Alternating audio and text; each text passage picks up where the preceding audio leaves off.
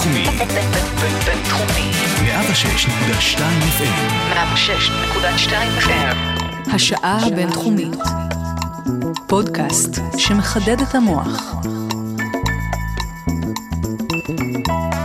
שלום וברכה לכל המאזינות והמאזינים, אנחנו מתחילים פרק נוסף של השעה הבינתחומית ברדיו הבינתחומי, 106.2 FM. אני ציקי ישי, שמח להגיד שלום לאורחת שלצידי, דוקטור הדס הראל, פסיכולוגית קוגנטיבית מבית הספר לפסיכולוגיה של המרכז הבינתחומי, ומה media innovation lab, גם כאן במרכז הבינתחומי.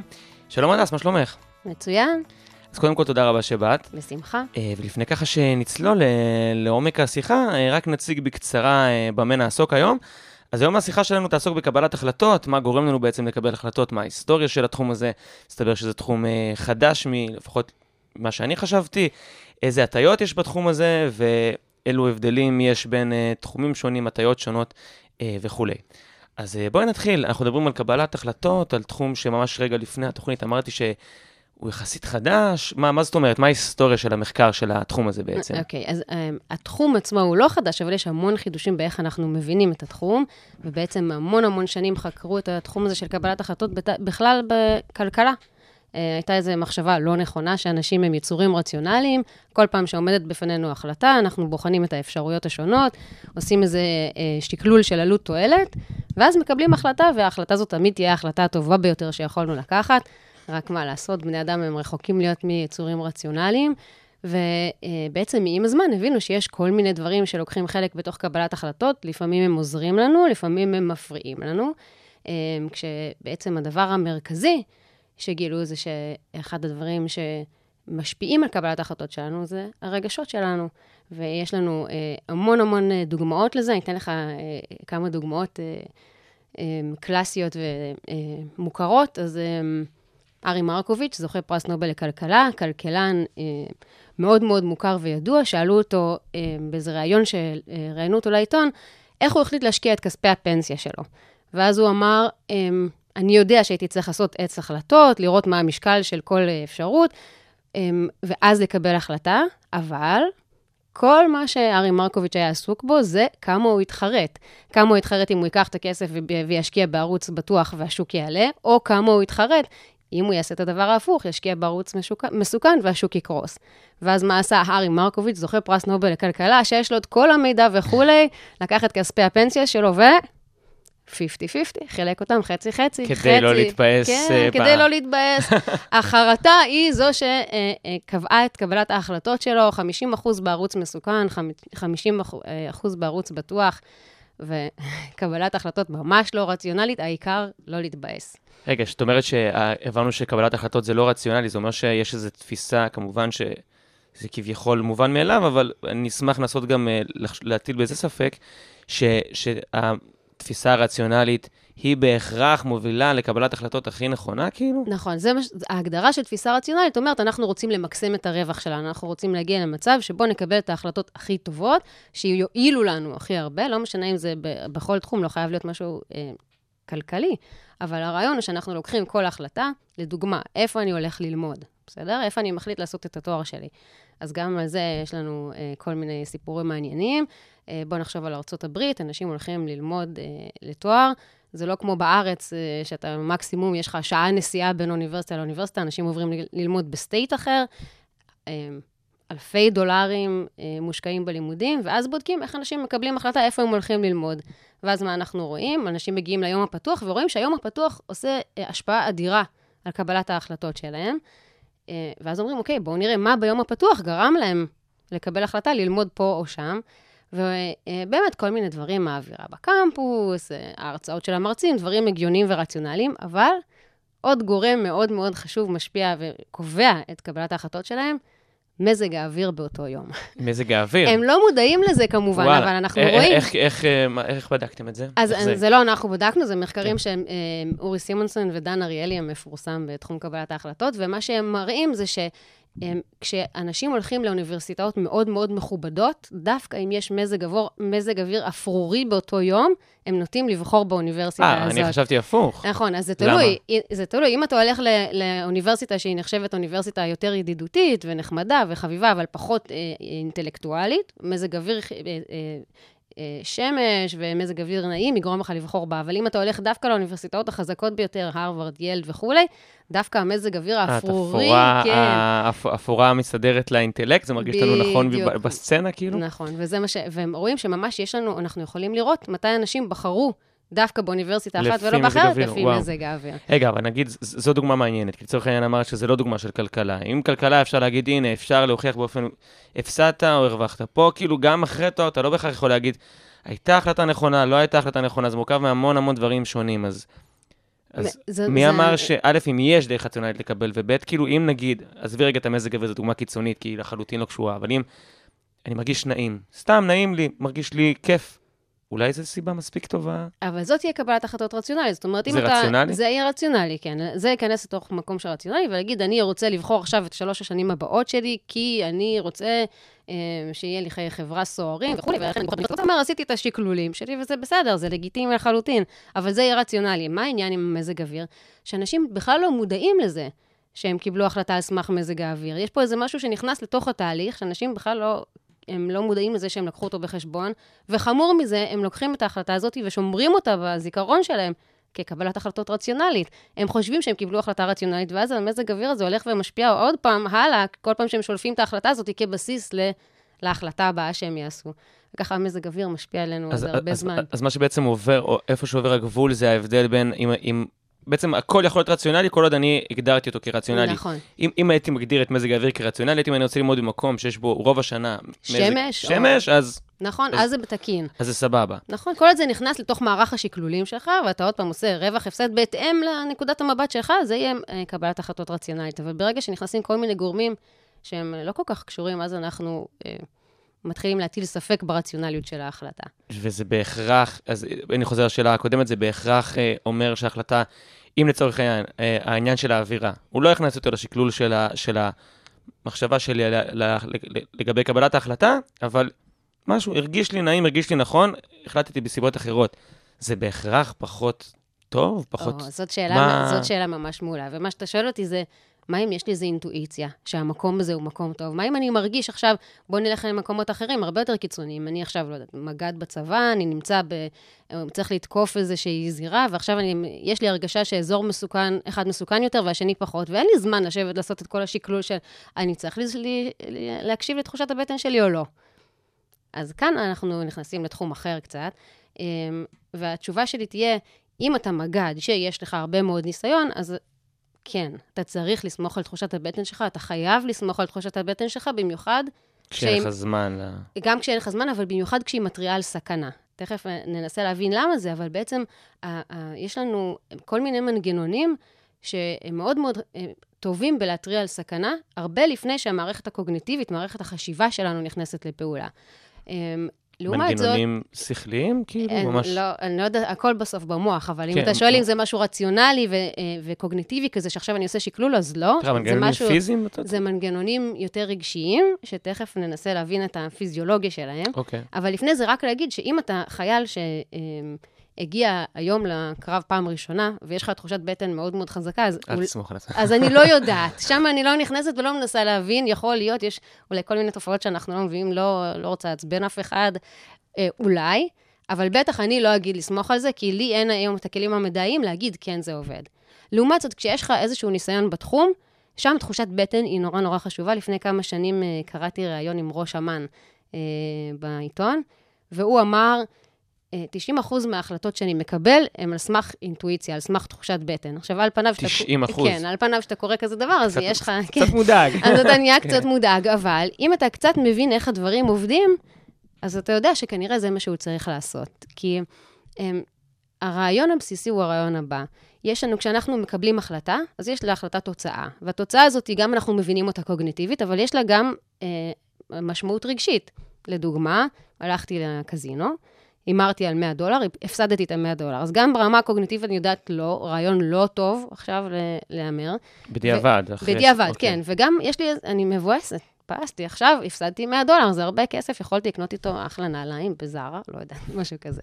ואז מה שקורה זה שהמערכת שלנו שומרת את שני החלקים האלה, גם את החלק הקוגניטיבי, נוצר לנו מין database, מין מאגר ידע, גם קוגניטיבי, אבל במקביל נוצר גם מאגר ידע רגשי, וככל שאני אקבל יותר החלטות, ויהיו לי יותר תוצאות להחלטות האלה, אני בעצם כל פעם מרחיבה את מאגרי הידע האלה.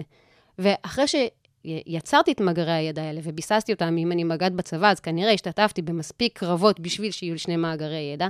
בכל פעם שאני צריך לקבל החלטה, אני משתמש במידע משני מאגרי הידע האלה. לא באופן מודע בכלל. לא, בכלל לא מודע. רגע, אז עוד פעם, אני, מה, מה זה בדיוק שני המאגרי ידע האלה? אחד קוגניטיבי שאומר א', ב', ג', אה, מוביל לתוצאה חיובית. בעקבות הניסיון האישי בדיוק, שלי. בעקבות הניסיון, ראיתי שכשתקפתי מכאן, וזה כן מודע, זה כן, אלה היו דברים שאני יכול לדבר אותם לעצמי ולהגיד, אוקיי, אני זוכר שבפעם הקודמת שתקפתי פה ושם וכולי, היה ככה וככה. אוקיי. מצד שני, יש לנו את מאגר הידע הרגשי. הפסדתי, רע לי, הצלחתי, אני מרוצה, אני מאושר. כמובן שברמות העוצמה, ואולי נדבר על זה גם אחר כך בהמשך, ברמות העוצמה, אה, תחושות שליליות הן הרבה יותר חזקות, אז מאגר הידע השלילי של טעויות שעשיתי, הוא עובד הרבה יותר חזק בצ- בצד הרגשי שלו.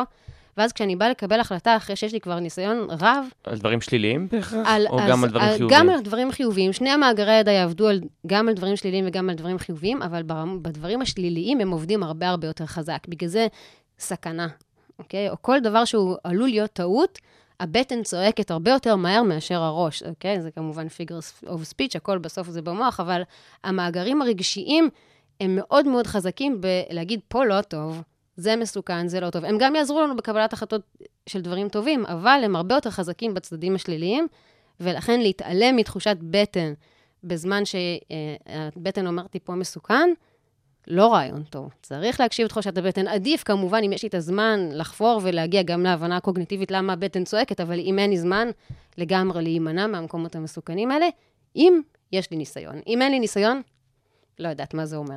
אבל יש באמת דרך להוכיח שיש מאגר כזה, כמו שאת מת- את מתארת את זה בצורה מאוד ציורית, זה באמת קיים אז. במוח? אז, אז זהו, כאילו? אז שאלה מעולה.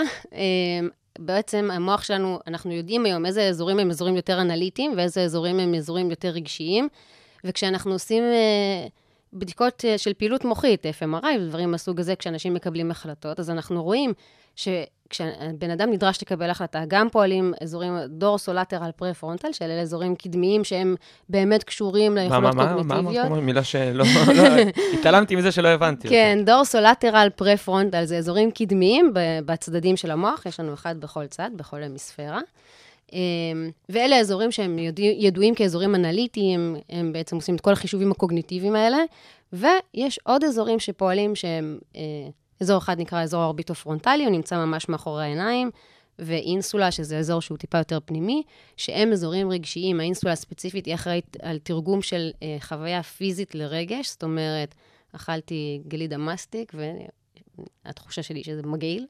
אז, זה- אז זה סוג של אה, אה, תרגום, והאזור האורביטו-פרונטלי הוא אזור שאחראי על ויסות של התנהגות בהתאם לרגש. מה זה אומר? זה אומר שאם עכשיו אני מרגיש שמסוכן, האזור האורביטו-פרונטלי הוא זה שיגיד לי, תימנע. הביצוע של ההתנהגות בהתאם להתראה של הסכנה, אה, קשורה לאזור האורביטו-פרונטלי. אני חושבת שהמון המון ידע יש לנו דרך האנשים עם פגיעה באזור הזה, כי אנחנו רואים דברים ממש, ממש מדהימים. אולי הראשון, ראשון, ראשון בהיסטוריה שהראה לנו שיש גם משמעות רגשית לקבלת החלטות, היה אה, האיש המפורסם פיניאס גייג', ש- שאני חושבת הרבה אנשים מכירים את הסיפור שלו, הוא היה אה, פועל בחברת הרכבות, ובזמנו אה, התפקיד שלו היה לפוצץ סלעים, אוקיי? ויום אחד עשה פיצוץ לא מבוקר, הוא היה צריך אה, להדק את, ה...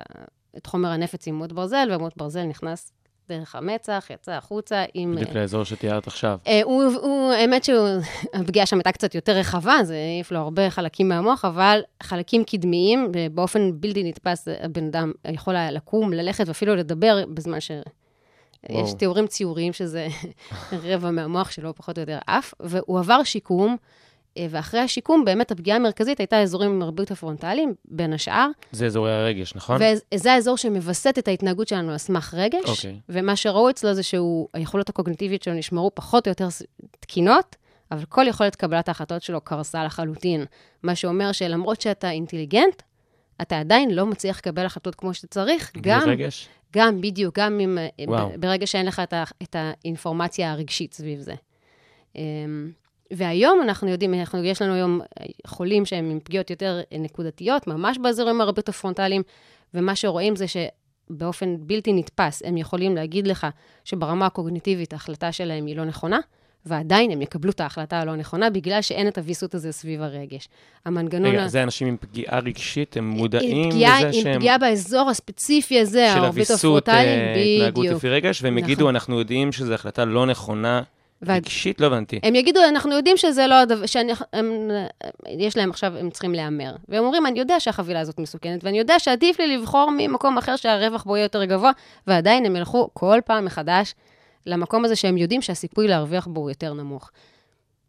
הם יודעים קוגנטיבית שההחלטה שגויה, ועדיין, ברגע שאין את הוויסות הרגשי שאומר להם, לא, אתם תתבאסו אם תקבלו את ההחלטה הזאת, זה מזה. הם עדיין מקבלים החלטות שגויות לחלוטין. איך, איך את יכולה להוכיח, אבל, כאילו, אמנם אני מבין שאת יכולה, נגיד, להסתכל על המוח ולהבין כן. את, את האזורים האלה ש, שתיארת, אבל איך את יכולה אה, להוכיח על, אמרת, הצטברות לאורך זמן, שכאילו, ה- ה- זה, כרגע האזור הזה מבסס את ההתנהגות, את קבלת החלטה לפי על רגש. בסיס חוויות קודמות, איך אפשר להוכיח דבר כזה או לבדוק דבר כזה בכלל? אז בעצם הרעיון הבסיסי הוא להשוות בין אנשים שיש להם ניסיון בתחום מסוים לאנשים שאין להם ניסיון בתחום מסוים, ואז אנחנו רואים את רמת הפעילות הרגשית שיש לאנשים, ומעבר אוקיי. לזה, אנחנו רואים את, ה, את הדפוסי קבלת ההחלטות שלהם, ואנחנו רואים שכשיש לך את המאגר הרגשי הזה, עוד פעם, בהנחה שאין לך שום פגיעה מוחית, כשיש לך את המאגר הרגשי הזה, אתה יכול לקבל החלטות הרבה יותר טוב והרבה יותר מהר, אפילו בלי שאתה יכול להסביר אותם ברמה הקוגניטיבית, בעוד שכשאין לך את, ה, את המאגר הזה, שמאגר, את אומרת, מבחינת ה... מבחינתכם בתור בודקת, זה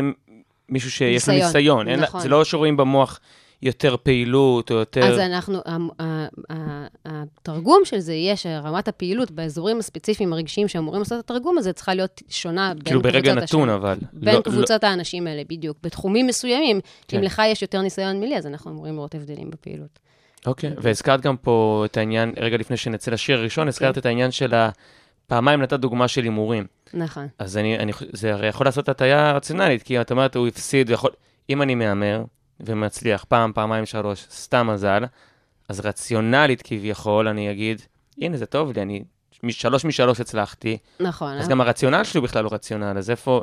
כי הם, מה- אה, הסיפור עם הימורים הוא שבאיזשהו שלב די מהיר, אתה תפסיק לקבל אה, פידבקים חיוביים על ההחלטות שלך, ואז לא המאגרים... משנה מי אתה. כן, בדיוק, אלא אם כן, אתה יודע. באמת יש לך באמת הרבה מאוד מזל, ואז באמת אולי זו החלטה רציונלית כן, להמשיך אולי אתה להמר. הבן אדם הראשון שתמיד מקבל, נכון, כאילו. שהצליח לנצח את הקזינו. אה, אבל עם הימורים יש לנו בעיה אחרת, והיא בעיה של אה, אנשים שנוטים לקחת סיכונים, יש להם מעט מדי אה, חומר שנקרא דופמין, והסיכון עצמו נותן להם איזשהו חיזוק, ואז שם כל קבלת ההחלטות כבר מושפעת ממקומות אחרים לגמרי, ומפשוט הרצון אה, להעלות את רמת הדופמין מוביל אותם לקחת יותר סיכונים, ואז הם... מה זה, מה זאת אומרת, זה חומר במוח? זה חומר במוח, חומר אוקיי. במוח, חומר כימי במוח, שהוא עושה לנו הרגשה טובה, הוא גם עושה לנו ריכוז, אה, ריטלין קשור אליו. אוקיי. אה, הוא, זה, הוא עובד באזורים שונים במוח, ואנשים שבאופן טבעי, המוח שלהם מייצר פחות דופמין, מחפשים כל מיני דרכים להעלות את רמת הדופמין. ואחת הדרכים היותר בדוקות לדבר הזה היא לקחת סיכונים. עוד פעם, זה לא דבר רציונלי, הם פשוט אנשים שנוטים יותר לקחת סיכונים. אז אתה יכול ללכת כי יש להם יותר... כי יש להם פחות מדי דופמין, והם רוצים... משהו פיזי מולד, שיש להם פחות מדי את החומר והם נכון. רוצים להעלות אותו, אז זה יגרום להם לקחת סיכונים. נכון, אז הם יכולים. לעשות אה, סנפלינג, אה, או דברים אחרים שהם אה, פחות בעייתיים כלכלית, או שהם הולכים להמר באמת אפשר למצוא קשר בין אנשים. ש- שלוקחים סיכונים לבין החומר. ורמות הדופמין לגמרי. וואי, אנחנו לחלוטין מכונות, אה? אני, זה מה שאני תמיד מרגיש שאני מדבר עם אה, אנשים שמבינים יותר מדי במוח. שבסוף הכל זה חומרים שבכמויות שונות. צר לי, חומרים וחשמל, זהו, זה מה שיש כן. שם. אה, אוקיי, טוב, נראה לי באווירה הזאת אנחנו נצא לשיר הראשון, ותכף נשוב.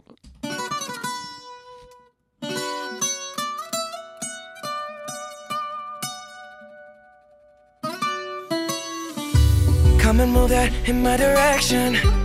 Thankful for that, it's such a blessing, yeah. Turn every situation into heaven, yeah. Oh, oh, oh, you are my sunrise on the darkest day. Got me feeling some kind of way. Make me wanna savor every moment slowly, slowly. You fit me, tailor made love how you put it on. Got the only key, know how to turn it on. The way you nibble on my ear, the only words I wanna hear. Baby, take it slow so we can last long. Tú, tú eres el imán y yo soy el metal.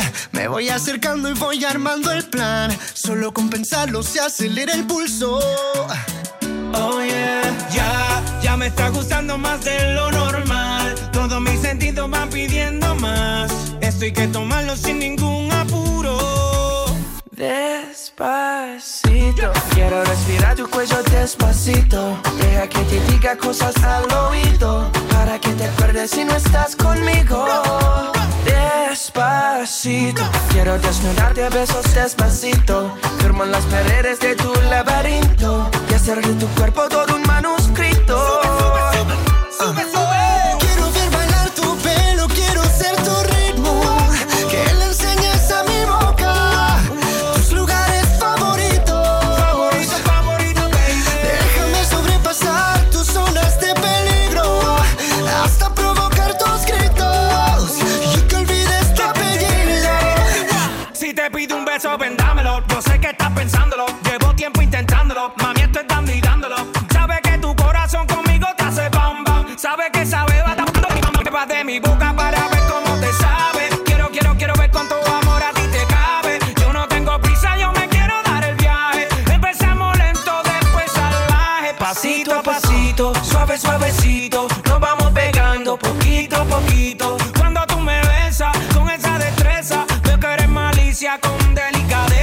Pasito a pasito, suave, suavecito. Nos vamos pegando poquito a poquito. Y es que esa belleza es un rompecabezas. Pero para montarlo aquí tengo la pieza, oye.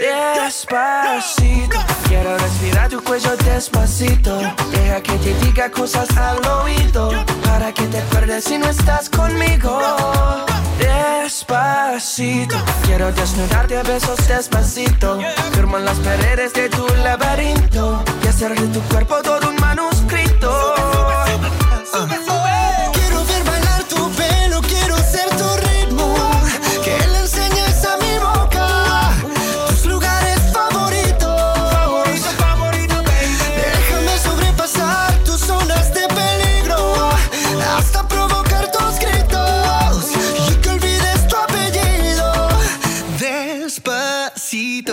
is how we do it down in Puerto Rico. I just wanna hear you screaming, ay bendito. I can go forever cuando esté contigo. Pasito a pasito, suave, suavecito. Nos vamos pegando poquito a poquito. enseñes a mi boca tus lugares favoritos. Pasito a pasito, suave, suave. אז לפני השיר הבנו שאנחנו יצורים הרבה יותר אמוציונליים ממה שהיינו אה, רוצים לקוות אולי, לפחות חלקנו. אז אה, במידה שבאמת הבנו, כפי שתיארת לנו בצורה אה, מפורטת ביותר על האופן שבו אנחנו מקבלים החלטות מהרגש, אוקיי, הבנו את זה. יש יכולת כלשהי, במידה, ואני מגיע עם ההבנה הזאת לתחום קבלת ההחלטות, לווסת את הרגשות בהתאם, אה, לשלוט בהם, ככה בשביל להגיע עדיין להחלטה שהיא יותר נכונה. כן, התשובה על זה היא לא. לא? לא. Um, אני יכולה להגיד שגם אנשים שהם חוקרים קבלת החלטות ומומחים במחקר של קבלת החלטות וכולי, um, יש משהו נורא נורא בסיסי בטבע האנושי ובאופן שהמערכת עובדת, ואז אנחנו מקבלים החלטות uh, הרבה פעמים באופן לא מודע, או אנחנו חושבים שאנחנו עושים קבלת החלטות מודעת, אבל אנחנו uh, מקבלים החלטות באופן לא מודע. אני אתן לך דוגמה. Um, קשורה לשיר, אני מאוד אוהבת זומבה, ואז יום אחד הלכתי uh, לקנות נעלי זומבה, והחלטתי, ואני מודעת... אה, נעלי זומבה זה נעליים ספציפיות לזומבה זה נעליים, נעלי ספורט? נעלי רובי, whatever, לא משנה. אוקיי. ונכנסתי לחנות ואמרתי, אני היום, אה, יש לי תקציב מסוים, ואני יודעת איזה נעליים אני רוצה וכולי. ואז אה, מיד נכנסתי, היה מוכר מאוד מאוד מוצלח בחנות, והוא ראה על איזה נעליים אני הולכת, והוא אמר לי, תקשיבי, יש לנו פה נעליים חדשות, מעולות, פי שתיים במיוחד כסף." לזה, בוודאי, פי שלוש כסף, ואנחנו זה. ואני אמרתי לעצמי, דסטי, היא חזקה, את לא עושה את זה, את הולכת לקנות את הנעליים שהחלטת. ואז הוא אמר לי את הדבר הבא, שזה סוג של גאונות, אה, בהנחה שאתה לא מכיר תיאוריות של קבלת החלטות. הוא אמר לי, רק תמדדי אותם, שימי אותם על הרגל. עכשיו, למה זה גאונות? כי במסגרת העובדה שהרגשות מנהלים אותנו, יש מה שנקרא loss aversion, שנאת הפסד. בני אדם, וזו אה, אה, תיאוריה שקיבלה פרס נובל, טברסקי כן, וקנמן. גם בזה גם ניגע גם בהמשך. בהמשך, כן. אז, הטיות. אה, נכון, אז החבר'ה האלה, הם הראו שאנשים עסוקים יותר במה הם מפסידים. היינו קודם כמה אנחנו אה, נותנים מקום לדברים שליליים, אנשים עסוקים יותר במה הם מפסידים מאשר במה הם מרוויחים. ואחת התופעות שקשורות לזה נקראת endowment effect. ברגע שמשהו הוא שלי, אני עלול להפסיד אותו. ברגע שמשהו הוא לא שלי, אני יכול להרוויח אותו. ואז אם עוצמת התחושה שלי כלפי הפסד היא פי שתיים מעוצמת התחושה שלי כלפי רווח, ברגע שמשהו הוא שלי, הוא שווה פי שתיים ממשהו כשהוא לא שלי. כשהנעליים היו על המדף, אני- אני נותנת את זה בתור דוגמה. כשהנעליים היו על המדף, יכולתי להרוויח אותם, אז יש להם, אה, עוצמת התחושה שלי לגביהם היא סבירה. אבל מרגע ששמתי אותם על הרגל, הן הופכות להיות אותם, שלי, אוקיי. ואז אני עלולה להפסיד אותם, ואם עוצמת התחושה שלי לגבי הפסד היא פי שתיים מאשר היא לגבי רווח, אז עכשיו הנעליים שוות בדיוק פי שתיים ממה שהן היו כשהן היו על המדף. אוקיי. ואז, אני, תוך כדי שאני מודדת את הנעליים, אני יודעת שהוא עושה עליי endowment effect, אני יודעת שכשאני קושרת אותם, הערך שלהם עולה פי שתיים, ועדיין אני מודדת אותם, קושרת אותם, מוציאה את הכרטיס אשראי ומחלקת לשלושה תשלומים. במקום להיפטר בזה פעם אחת במקום כמו פעם אחת שרצית. להגיד, לא, לא, לא, לא, לא, אין כזה דבר. אז אפילו המודעות לתהליך לא משפרת ואת את היית יכולת מודעת קבלת לזה החלטות. ב- ב- ברגע מודעת נתון? לחלוטין, אשכרה, ברגע נתון לא זה- הצלחתי. אולי באמת? זה בגלל שזה היה נעלי זומבה, ובכל זאת זה אירוע מאוד חשוב, הרגשת, אה, בכל... אבל כן. אה, אבל פה את מדברת על מצב של מניפולציה מאוד ספציפית, אבל במידה ואנחנו מדברים על איזושהי התנהלות אה, של דרך קבע. הרי יש גם תיאוריות שעוסקות ברגשות וקשורות ליכולת לווסת רגשות, ו... וכן, אה, נכון, אבל לא איך- להתייחס לזה כעולם שהוא משתלט עליך ואין לך יכולת להשפיע נכון, עליו. אבל הדברים כאן הם, הם הרבה יותר בסיסיים. מה זה אומר בסיסיים? קודם כל, מאגר ידע שדיברנו עליו קודם, הם, הרגשי, זה דבר חיובי. בעצם כאן קבלת, הרגש עוזר לי לקבלת החלטות נכונה, בהנחה שיש לי ניסיון. אבל כל עולם ההטיות בקבלת החלטות, אה, עושה לנו נזקים חמורים, מכיוון שאלה דברים מאוד מאוד מאוד בסיסיים, בדרך כלל זה ממש מחולק לרווח והפסד, ואיך אתה יכול לווסת את תחושת ההפסד שלך. אתה כן יכול לנסות לעשות כל מיני הסחות וכולי, אבל אתה צריך להיות באובר מודעות ובסופר, אה, אה, מצב שהוא סופר סופר בשליטה בשביל לנסות לעשות כזה דבר, ועדיין הסיכוי פה הוא, הוא מאוד מאוד נמוך לשפר את קבלת ההחלטות שלך. מה שאתה כן יכול לעשות, אם אתה מכיר את כל ההטיות, זה בקלות, אתה יכול לשלוט בקבלת החלטות של אחרים. אתה יכול להטות את קבלת ההחלטות של אחרים. כמו שעשה לי המוכר בחנות. הוא יודע מהניסיון שלו, או אולי הוא למד, אני אין לי מושג, הוא יודע שכשאנשים שמים נעל על הרגל, היא הופכת להיות שלהם, וזה, יש המון אנשי מכירות שמכירים את זה. מה זה, קחו את המזרון לח- לשבוע הביתה, תראו שלא תוכלו להחזיר אותו. כן. לקחת את המזרון, שמת עליו את לא המצעים לוותר עליו, שלך, כן. בדיוק, הוא הפך להיות שלך, בום, העלית את הערך של זה פי שלוש. למה נותנים לאנשים לעשות נסיעת מבחן באוטו? הרי אני חושבת, מי המשוגע שייתן לי לקחת אוטו חדש ולעשות איתו סיבוב? ועדיין, יושב איש מכירות טוב, אומר לך, שבי באוטו, דמייני את הכיסא של הילדים מאחורה, עכשיו דמייני שנוסעת עם האוטו לאילת, בום, האוטו שלך, הערך שלו עלה פי שתיים. לא סתם הדברים האלה עובדים כמו שצריך. כן, אז תכף גם אנחנו ניגע יותר לעומק בעניין הטיות בקבלת החלטות וסוגים שונים של הטיות, אבל אז אמרנו באמת שכמו שתיארת ברגע נתון זה, יש יותר יכולת לעשות מניפולציה מאשר לשלוט בזה, אבל אם נגענו מקודם ב- ב- באנשים שיש להם אה, חומר, אני לא זוכר לחזור, דופמין, כן. דופמין, יותר או פחות, ובגלל שיש להם פחות, יש להם יותר רצון להעצים אותו, נכון. ולפיכך לקחת סיכונים בהתאם. אז זו סיטואציה שבה אנחנו יכולים אה, לשלוט. את יכולה להגיד לצורך העניין, נתת לי דוגמה במהלך השיר, שאם בן אדם אה, הוא מהמר כפייתי, זה נובע מאותו מקום של בן אדם שהוא הרבה פעמים, כן. יכול לנבוע מאותו של להתעסק בספורט אקסטרים או משהו כזה, ואז יכולה בעצם לנווט אותו, ו...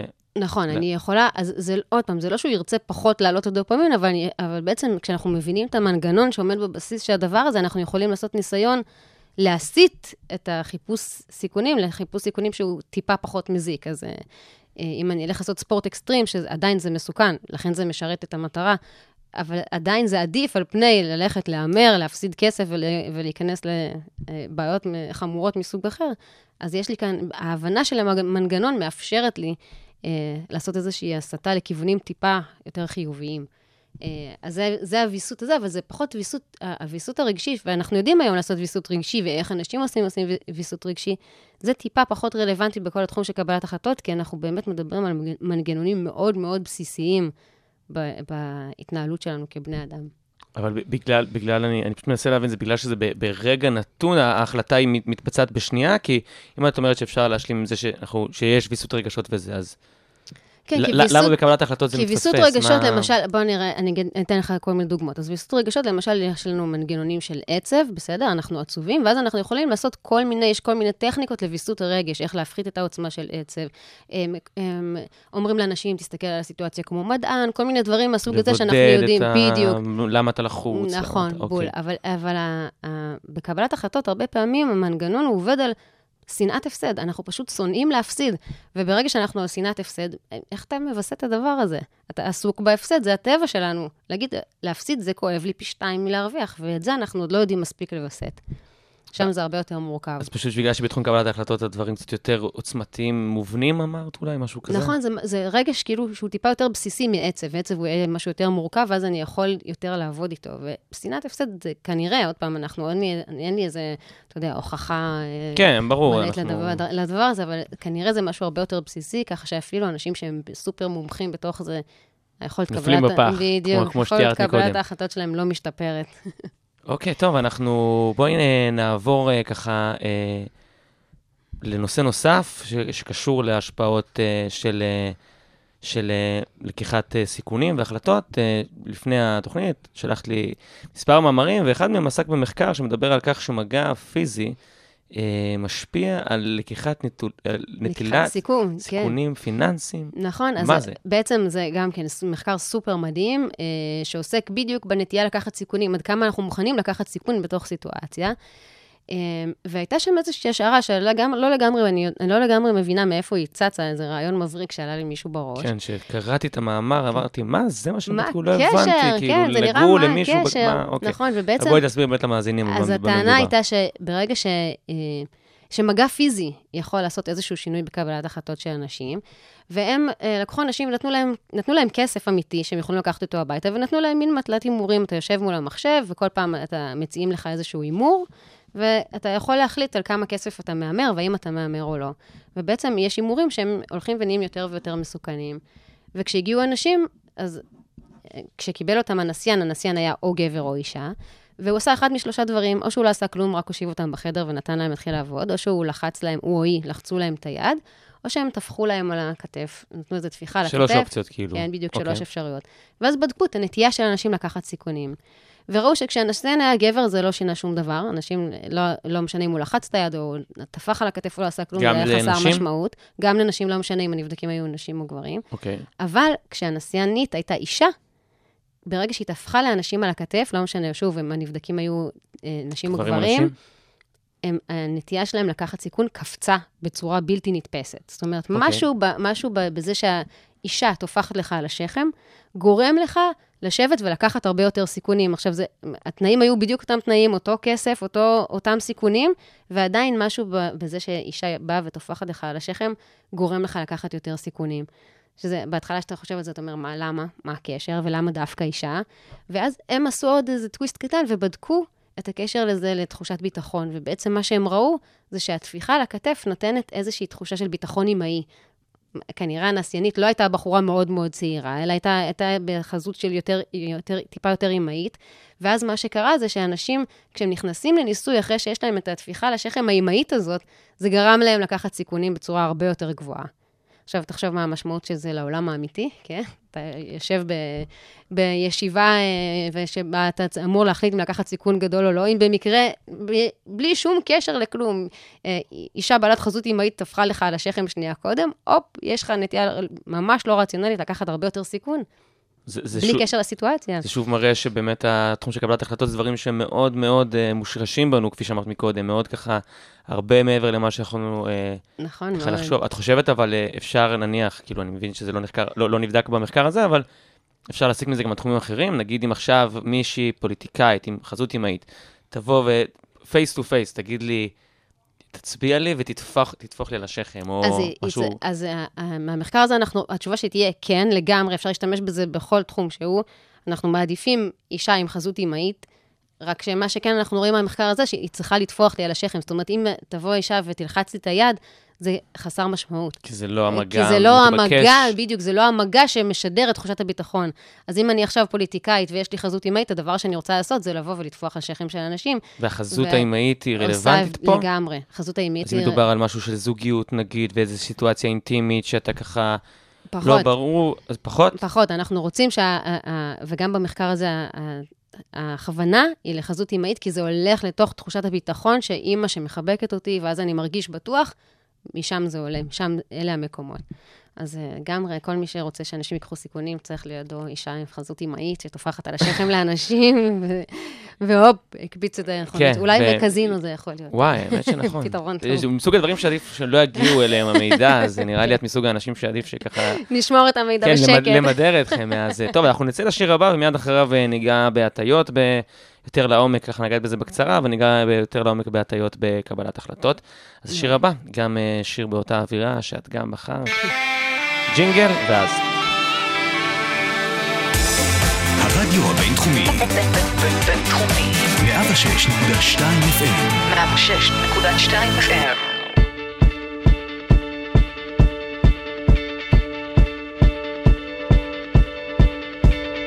When I was six years old, I broke my leg. And I was running from my brother and his friends.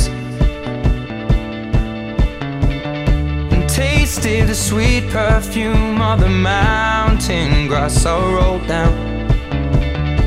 I was younger then. Take me back to when I found my heart, broke it here, made friends and lost them through the years. And I've not seen the boring fields in so long. I know I've grown, but I can't wait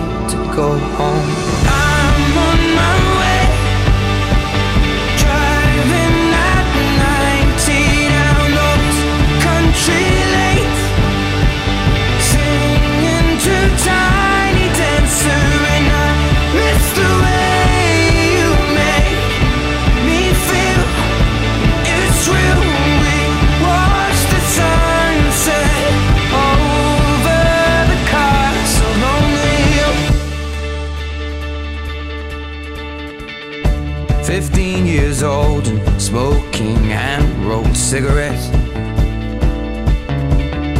Running from the law through the backfields and getting drunk with my friends. Had my first kiss on a Friday night. I don't reckon that I did it right, but I was younger then. Take me back to when we found weekend jobs and when we got paid. We'd buy cheap spirits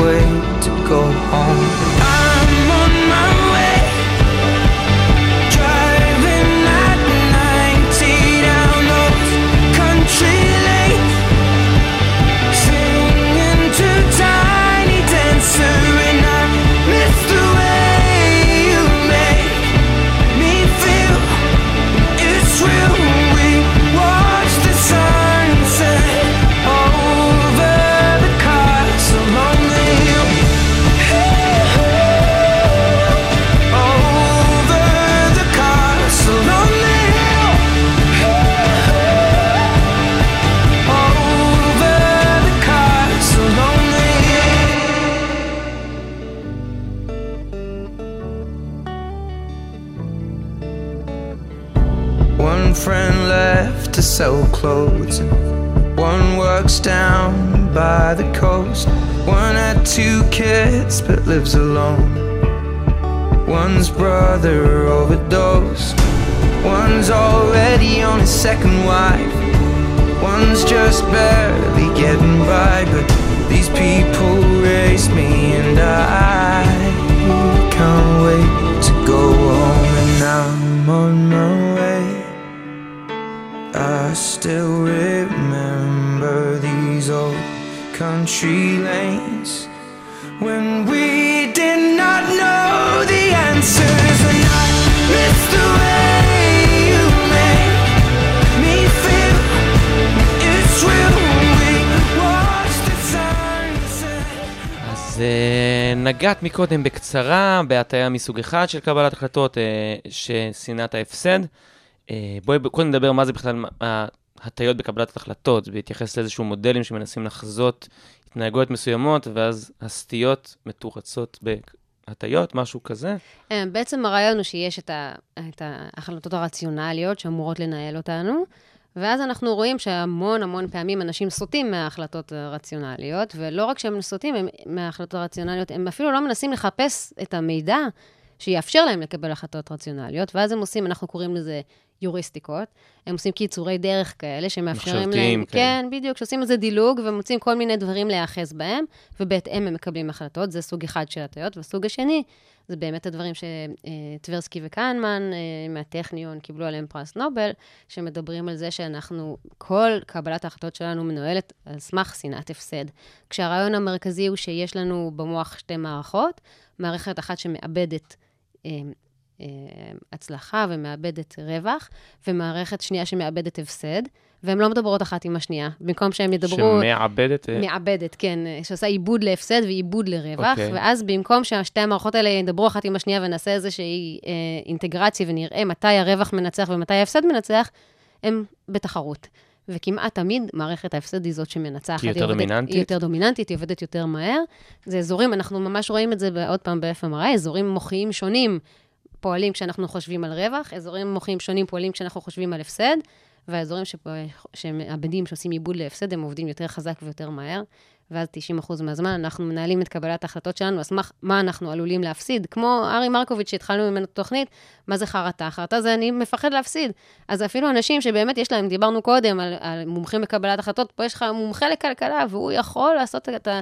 יש לו גישה לכל הידע, הוא יודע איך ל- לעשות את החישובים הרלוונטיים, ועדיין, מה שמנהל אותו, הפחד להפסיד. החרטה, איך אני אתחרט, ולוקח ועושה 50-50 בכסף שלו, שאין בזה שום היגיון הרי. אה, והדבר הזה מוביל אותנו באמת להמון המון המון הטיות. מהערכה לא נכונה של דברים, אה, לאנדאומנט אפקט שדיברנו עליו קודם, באמת הסיפור הזה שבו כשמשהו הוא שלי, אז אני מעריך אותו הרבה יותר מאשר כשהוא לא שלי. תחשוב אפילו כרטיסים למופע, אוקיי? אנחנו יכולים לקנות כרטיסים, ואחר כך כששואלים אותנו בכמה אנחנו מוכנים למכור אותם, אנחנו כנראה נבקש הרבה יותר כסף. אפשר לקחת את זה לפוליטיקה, שטחים שלנו, לא שלנו, לא יודעת אם אנחנו רוצים ללכת לשם, אבל אה, יש משהו בתחושה שזה שייך לי, לעומת זה לא שייך לי, אה, ואיך אני חושב על זה, ואז עוצמת הרגש שלי לגבי הדבר הזה.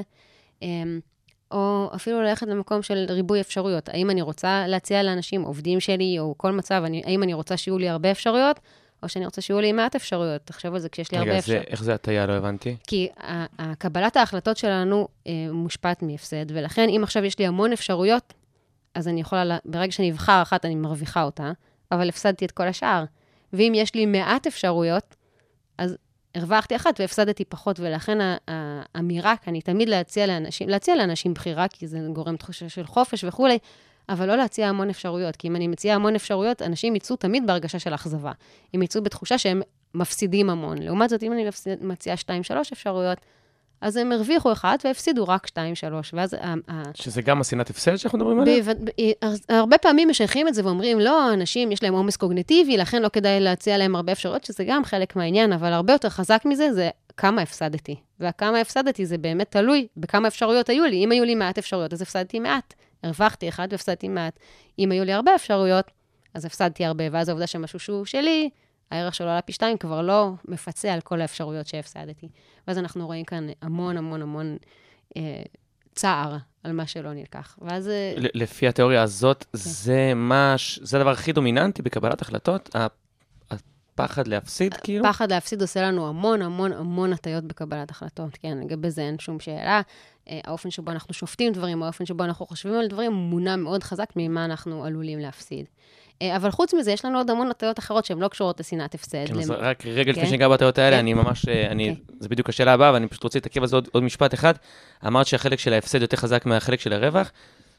זה כי רגשות או משהו, כאילו שהם שליליים נגיד, זה המקבילה, יותר חזקים מרגשות חיוביים, כאילו? מו- הפחד יותר חזק מהתקווה או משהו אז אה, כזה? אה, זאת שאלה אה, טובה, מה יותר חזק ממה ואיך ואיפה. אנחנו כן נגיד שלרגשות שליליים הרבה פעמים יש ערך הישרדותי. ולכן יש להם הרבה פעמים יותר מקום מלרגשות חיוביים. כי זה מבוסס על הישרדות, שזה... כן, אז יש אוקיי. לנו אזור מוחי, עוד פעם נגלוש רגע למוח, שנקרא אמיגדלה, אזור מאוד ידוע ומפורסם, שהוא אחראי, הוא קודם כל עובד נורא נורא חזק כשאנחנו מפחדים, כשאנחנו לוקחים סיכונים וכולי, והוא גם עובד נורא חזק כשהוא מתריע על סכנה. זאת אומרת, עכשיו אני הולכת ב- לבד בחושך ברחוב, אז האמיגדלה צועקת, גם אם אף אחד לא עושה לי שום דבר, היא, היא, מזהירה אותי. מהמקום ו- ההישרדותי הזה. בדיוק, אוקיי. נכון. והיא עובדת מאוד מאוד חזק, הרבה יותר חזק מכל אזור רגשי אחר, היא פועלת יותר חזק. ולכן יש, זה, יש משהו במה שאתה אומר, מהבחינה הזאת שרגשות שליליים, יש להם יותר מקום אה, אה, מבחינת עוצמה הרבה פעמים, ובין השאר זה משפיע גם על קבלת ההחלטות שלנו, לגמרי.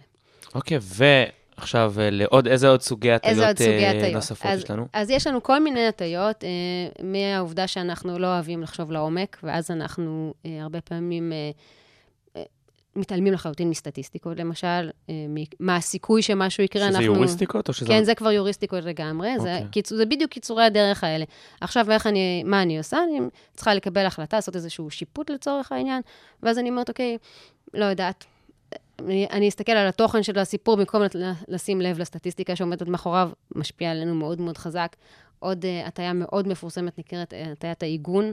הכל בחיים יחסי. אנחנו בני אדם לא מסוגלים בכלל, א', להתמודד עם עמימות מאוד קשה לנו, וב', אין קבלת החלטות מוחלטת. תמיד הכל ביחס למשהו. ואז עוד פעם, זה מיד משפיע, בטח בתחומים הכלכליים, אבל גם במקומות אחרים. אה, אנחנו תמיד לוקחים איזה רפרנס פוינט. אז לדוגמה, אה, אנשים אינטליגנטים שפתחו מסעדה, ייקחו תפריט, ישימו בו כל מיני מנות, וישימו בהתחלה מיד מנה אחת מאוד מאוד מאוד יקרה. ואז כל המנות האחרות מתחת נראות לכולנו הרבה יותר זולות. ואז פתאום אתה יכול למצוא את עצמך קונה המבורגר ב-200 שקל, ומרגיש ממש טוב, כי הפילה עלה 500 שקל, ואז אתה אומר, "מ, איזה המבורגר זול זה, כשבעצם... אה, את אומרת, בגלל שזה יחסי, אז שימו בהתחלה את הכי יקר, כדי שאחרי זה יראה לך. יותר זול. הכל, אה. ואז הכל נתפס כיותר זול. זה קורה לנו כל הזמן, אנחנו עושים את השיפוטים האלה בצורות בלתי נתפסות גם בחיים האישיים שלנו. אה, דן אריאלי, יש לו מחקר מאוד מפורסם, הוא לקח, אה, אה, צילם אנשים בקמפוס, אנשים, הוא עושה את זה גם עם שחקני קולנוע, לא משנה, לקח אנשים שנראים טוב, אה, שאנשים, כשהם ראו אותם בנפרד, הם דירגו אותם, אוקיי? כאילו הם באותה רמת יופי, פחות או יותר. ואז עם פוטושופ הוא לקח תמונה של בן אדם אחד, ועיוות אותה קצת, ואז הוא עשה בן אדם שדומה לו, אבל קצת מכוער, קצת יותר מכוער, ואז הוא מציג את שלושת התמונות לאנשים.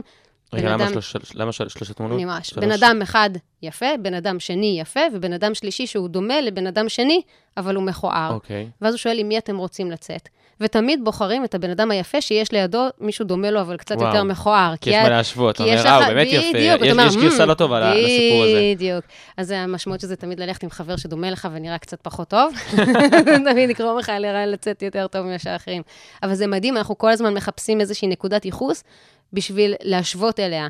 ואז עוד פעם, זה משפיע באופן מאוד לא רציונלי על ההחלטות שלנו, אנחנו יכולים גם לעשות רכישות של דברים מאוד מאוד מאוד יקרים, בלי, ולהרגיש טוב עם זה, אחר כך, באופן די מטופש. אה, ואנחנו יכולים, אה, לא יודעת, אה, אתם... סתם דוגמה לזה, אם אתם לוקחים תמונות של עצמכם, אוקיי? אנשים לוקחים תמונות של עצמם ושמים אותם ברצף, אז יש תמונה שפתאום נראית נורא נורא טוב, שאם היית רואה אותה בלי הרצף, היא לא הייתה נראית טוב, פשוט כי היא יותר יפה מהתמונה הקודמת, אז זה בעצם כל דבר אצלנו הוא נורא נורא נורא יחסי. אמ, אז זו דוגמה נוספת לכל מיני השפעות לא רלוונטיות. יש אבל יכולת, בהקשר הזה, נגיד, ברור לי, כאילו, זה, גם אפשר, כל אחד יכול לדעת על החיים שלו שאתה צודק, זה אפילו לא צריך מחקר בשביל להוכיח את זה, אבל יש יכולת מדי פעם להסתכל במאקרו ונניח להגיד, אוקיי, אני מוטרד מא', ב', ג', אבל אני צריך רגע לזכור שבהתאם למצב שלי בחיים, יש אנשים על פני כדור הארץ, שאין לי שום יחס אליהם, זה- שהם מתמודדים עם זוועות, וכאילו, אפשר שנייה להגיד תודה, או לא להגיד, יש... רעיון מעולה, זה בעצם מה שאתה זה אומר, בוא, בוא, כאילו? כן, אפשר להשתמש בזה גם לדברים חיוביים. אנחנו ב, ביום-יום נקרא לזה פרופורציה, איך אנחנו מכניסים דברים לפרופורציה. עכשיו קמתי בבוקר, יש לי, לא יודעת, מבחן אה, את שנורא אומרת נורא שזה גם מטריד אותי. יחסיות בעצם, אני. הסתכלתי כאילו אני עוקף את היחסיות, את אומרת, זה דווקא אני אומרת להגדיל את להפך, זה. בטח, אוקיי. בדיוק, תיקח את זה ותשתמש, להימנע מזה אי אפשר, אנחנו כמעט לחלוטין לא, טברסקי וקנמן מראים, זה גם דברים שלהם, הם מראים שאתה לוקח אנשים, אומר להם, בואו תגידו לי, לא יודע, תעריכו מה המשכורת שלי. והם הם מסובבים גלגל בצד, שהוא לא קשור לכלום, אומרים להם, זה קשור לניסוי אחר, מסובבים גלגל בצד, הגלגל עוצר על 15,000, אנשים מכוונים את ההערכה של המשכורת של טברסקי וקנמן, לפי לפי הגלגל. 15,000. עכשיו, הם לא יגידו 15,000, אבל הם יהיו קרובים תמיד איפשהו סביב, סביב המספר הזה, יחסית לאם היה יוצא שם 8,000 שקל. וזה, אין שום קשר, ועדיין אנשים כל הזמן, אנחנו, אם אנחנו, אין לנו רפרנס פוינט, נקודת ייחוס שהיא מאוד מאוד ברורה, אז אנחנו נשתמש במשהו שהוא לא קשור. אנחנו תמיד עושים דברים יחסיים, אבל אז אתה יכול לקחת את זה גם לכיוון החיובי ולהגיד, אוקיי, קמתי בבוקר, יש לי היום מבחן, אני נורא נורא בלחץ, אני בפאניקה, ואתה עוצר ואומר, כאילו, לא יודעת, יש פה זה מקרים. הצהרות שלי. בדיוק, כן. שאלה יהיו הצהרות שלי, וכשאתה אומר שאלה יהיו הצהרות שלי, בעצם אתה אומר לעצמך, בוא נעשה רשימה של צרות של אנשים אחרים, כנראה כן, המצב האמת שזה שלי מצחיק, טוב. כי אני ניסיתי להציע את זה בתור עצה לעקוף אותה. הנה, אני לא נכון. יחסי, אני משווה את עצמי רק ל... עוד יותר יחסיות. בדיוק. יש עוד, יש גם הטעיה שנקראת הטעיה שקשורה לסטטוס קוו, נכון? שאנשים רוצים נכון. להישאר במוכר ובבטוח, משהו נכון, כזה? איך אנחנו זה? תמיד, תמיד מעדיפים להישאר במוכר ובבטוח, ולא רק זה, אמ, אנחנו נימנע מלעשות פעולות. אמ, אה, אם יש איזשהו מצב שהוא מצריך ממני פעולה, אני אעדיף להיות בסטטוס קוו, עדיף להישאר כמו שאני, גם אם התוצאה תהיה אותה תוצאה. בסופו של דבר, הבחירה שלי תמיד, או לרוב, תהיה להישאר במצב שהוא זאת יותר... אומרת, התוצאה תהיה אותה תוצאה. זאת אומרת, אם עכשיו אני אה, אומרת לך, אם אתה לא תעשה שום דבר, יקרה למישהו משהו, או אם אתה תעשה משהו, יקרה למישהו משהו, התוצאה היא אותה תוצאה. אתה עכשיו, לא יודעת, הסיפורים הרגילים הם אה, נותנים לאנשים, אה, אומרים להם, אוקיי, יש מישהו עם אלרגיה נורא חזקה לבוטנים, אה, אתה רואה שהוא מקבל צלחת עם בוטנים, אה, נראה לך שזה בוטנים, כן, לא. בדרך כלל אנשים בכלל לא, מתער- לא נוטים להתערב, אבל אם אומרים לך, בוא תשים לו בוטנים בצלחת, אף אחד לא מוכן. זאת אומרת, ברגע שאתה... למרות שהתוצאה תהיה אותה תוצאה, עדיין הלקיחת אחריות היא, היא קשורה לעובדה שאתה פעיל לעומת לא פעיל. אבל אני רוצה אה, אה, דווקא להתעמק בעוד הטעיה אחת שהיא, פשוט עשו איתה משהו ממש מגניב אוקיי. אה, פה בעולם הפרסומי בישראל, ונקראת availability, אוקיי? הזמינות. ובעצם הטענה היא שכששואלים אנשים מה הסיכוי שיקרה משהו, הרבה פעמים במקום ללכת ולבדוק מה הסיכוי שמחר תהיה תאונת דרכים? אנשים לא הולכים ובודקים את הסטטיסטיקה של תאונת דרכים. מה הסיכוי שתזכה בלוטו? אנשים לא הולכים לבדוק את הסיכוי שתזכה בלוטו, הם זורקים משהו, והדבר הזה שהם זורקים הוא בנוי על שני דברים, היוריסטיקה פה. אחד זה עד כמה אתה, אה, עד כמה אתה יכול לדמיין את זה בקלות, ושתיים זה עד כמה זה זמין לך, עד כמה שמעתי על זה ברדיו. אם לפני דקה שמעתי על תאונת דרכים, אז אני אעריך שהסיכוי לתאונת דרכים גבוה. אוקיי. בדיוק. ואם אה, לפני רגע אה, שמעתי על מישהו שזכה בלוטו, אני אעריך יותר את הסיכוי לזכות בלוטו. ובמדינת ישראל לקחו את הדבר הזה במפעל הפיס, ועשו ממנו אה, קמפיין גאוני ומטורף של אראלה ממפעל הפיס. כי הם עשו שני... קודם כל, תמיד אמרו, היו פרסומות לזכות בלוטו, סבבה. אבל הסיפור של אראלה ממפעל הפיס, שלוקחים אירוע, שיחת טלפון אמיתית ומשמיעים אותה, זה מיד גורם לאנשים לדמיין. אני לא מכירה בן אדם אחד שלא דמיין, את אראלה מתקשרת אליו. אתה יושב באוטו ואתה מדמיין לעצמך את הס... איך אתה תגיב כשאראלה תתקשר אז אליך. אני מרגיש לך הרבה יותר זמין, כאילו, בדיוק, ואז לך... זה גורם לך, אם באותו רגע יתקשרו אליך וישאלו אותך אם אתה רוצה למלא לוטו, אז הסיכוי שאתה תרצה למלא לוטו הוא הרבה הרבה יותר גבוה. למה? כי ב- בעצם אתה כבר שם, אתה כבר בזכייה, במקום בסטטיסטיקה המאוד מאוד אפסית של לזכות בלוטו. וואו. אה, אוקיי, אז אה, מקודם אמרנו שעדיף שאולי לא תעבירי את המידע הזה לקזינו, אני מבין שלגופי פרסום הם מתבססים על זה. רק שאלה קצרה ככה לסיום, בנימה קצת אישית, אנחנו מדברים פה על אובר מודעות לקבלת החלטות. בתור פסיכולוגית, פסיכ... פסיכולוגית קוגנטיבית שחוקרת את זה ומודעת לכל החומרים במוח, לא כולם, אבל בהקשר הזה כמובן, איך זה, איך זה משפיע עליך ברמה האישית? מקודם אמרת שסיפרת סיפור שהוכיח שגם את יכולה ליפול בפח של מניפולציות כאלה, אבל מבחינת קבלת החלטות, את איך את מצליחה להתנהל בתוך מודעות כל כך גדולה? אוקיי, אז um, לרוב זה לא משפיע בכלל, ואני בטוחה שאני נופלת בהרבה יותר מקומות לא ממה משפיע? שנראה לי, כן, אני בטוחה שקבלת החלטות שלי היא לא הרבה יותר טובה משל אנשים שלא שמעו על הדברים האלה בחיים. איך לא? Um, כי um, uh, עוד פעם, אלה דברים שהם כל כך בסיסיים, והסיכוי שאני עכשיו אלך ואפתח את האינטרנט ואבדוק מה הסיכוי למשהו ספציפי הוא מאוד נמוך. עם זאת, אה, אני לא, אין לי מנוי ללוטו. הם מתקשרים אליי באופן קבוע, ואני אומרת להם לא, אבל זה נובע לא מהידע שלי בקבלת החלטות, כמו מהעובדה שאני הרבה שנים מלמדת סטטיסטיקה, ואז אני נפשית לא יכולה למלא לוטו, כי אני יודעת שאני מבינה שהסיכויים הם כל כך נמוכים שהם חסרי משמעות. אבל אה, הרבה מאוד ידע הוא, הוא חסר משמעות. אני יודעת לזהות מתי אני עושה הטיות של עיגון, אני יודעת לזהות מתי אני עושה, אה, מתי עושים עליי endowment, אני יודעת לזהות את המצב, להגיד לך שזה משפיע קבלת החלטות שלי, מאוד נמוך, שזה די עצוב, כאילו המצב שלי יותר חמור משל האחרים, כי אני יודעת שאני מקבלת החלטות לא נכונות הרבה פעמים. וואו. אז אם אנחנו ככה ממש ל- ל- לסיכום התוכנית, אז בעצם אפשר לה- להגיד ככה שתחום קבלת החלטות, כל המידע וכל העובדות, ועל אף שיש כל מיני אה, דברים, עוד שאמרנו, אז מישהו שיש לו את החומר הזה יותר, אפשר להסיט אותו מקזינו לאקסטרים וכולי. בסופו של דבר, אם אנחנו חוזרים ממש לתחילת השיחה, מדובר על איזושהי מכונה שמתקתקת ועובדת ומבוססת על דברים כל כך בסיסיים, שהיכולת שלנו, מעבר ללחקור אותם, להשפיע, כאילו גם דן אריאלי וזה, אז אני אגיד, ש... אני מאוד, אגיד כאילו. שאנחנו, הרבה פעמים אנחנו לא מודעים בכלל, זאת אומרת, אנחנו, גם אני, שאני מקבלת החלטות, אתה צריך להיות במין over מודעות כזה, כל הזמן לחשוב על קבלת ההחלטות שלך. לפעמים, לפעמים אני מצליחה לגייס את הידע, אולי דן אריאלי יותר טוב בזה ממני. אוקיי, אז היה לי מלמד ביותר. אה, תודה רבה שהגעת להתארח כאן. אה. דוקטור הד- הדס הראל, הראל, סליחה, פסיכולוגית קוגניטיבית מבית הספר לפסיכולוגיה של המרכז הבינתחומי, וה Media Innovation Lab, גם כאן במרכז הבינתחומי. היה לי ממש אה, מרתק. אנחנו ניפרד עם שיר נוסף שבחרת לתוכנית. אז יהיו שלום.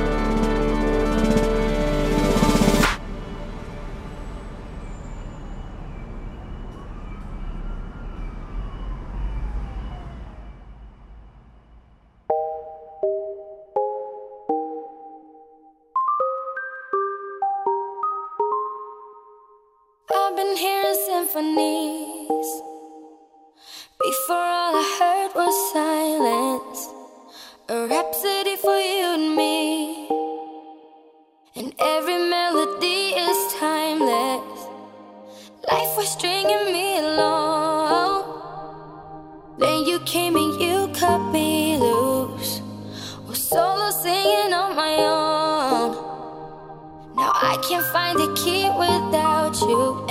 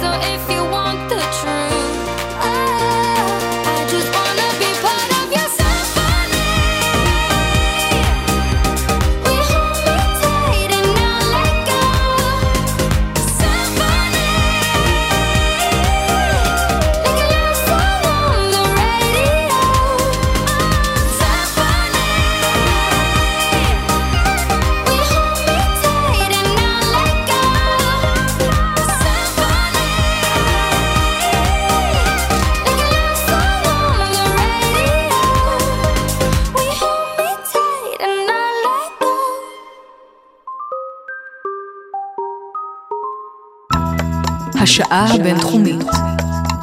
פודקאסט שמחדד את המוח.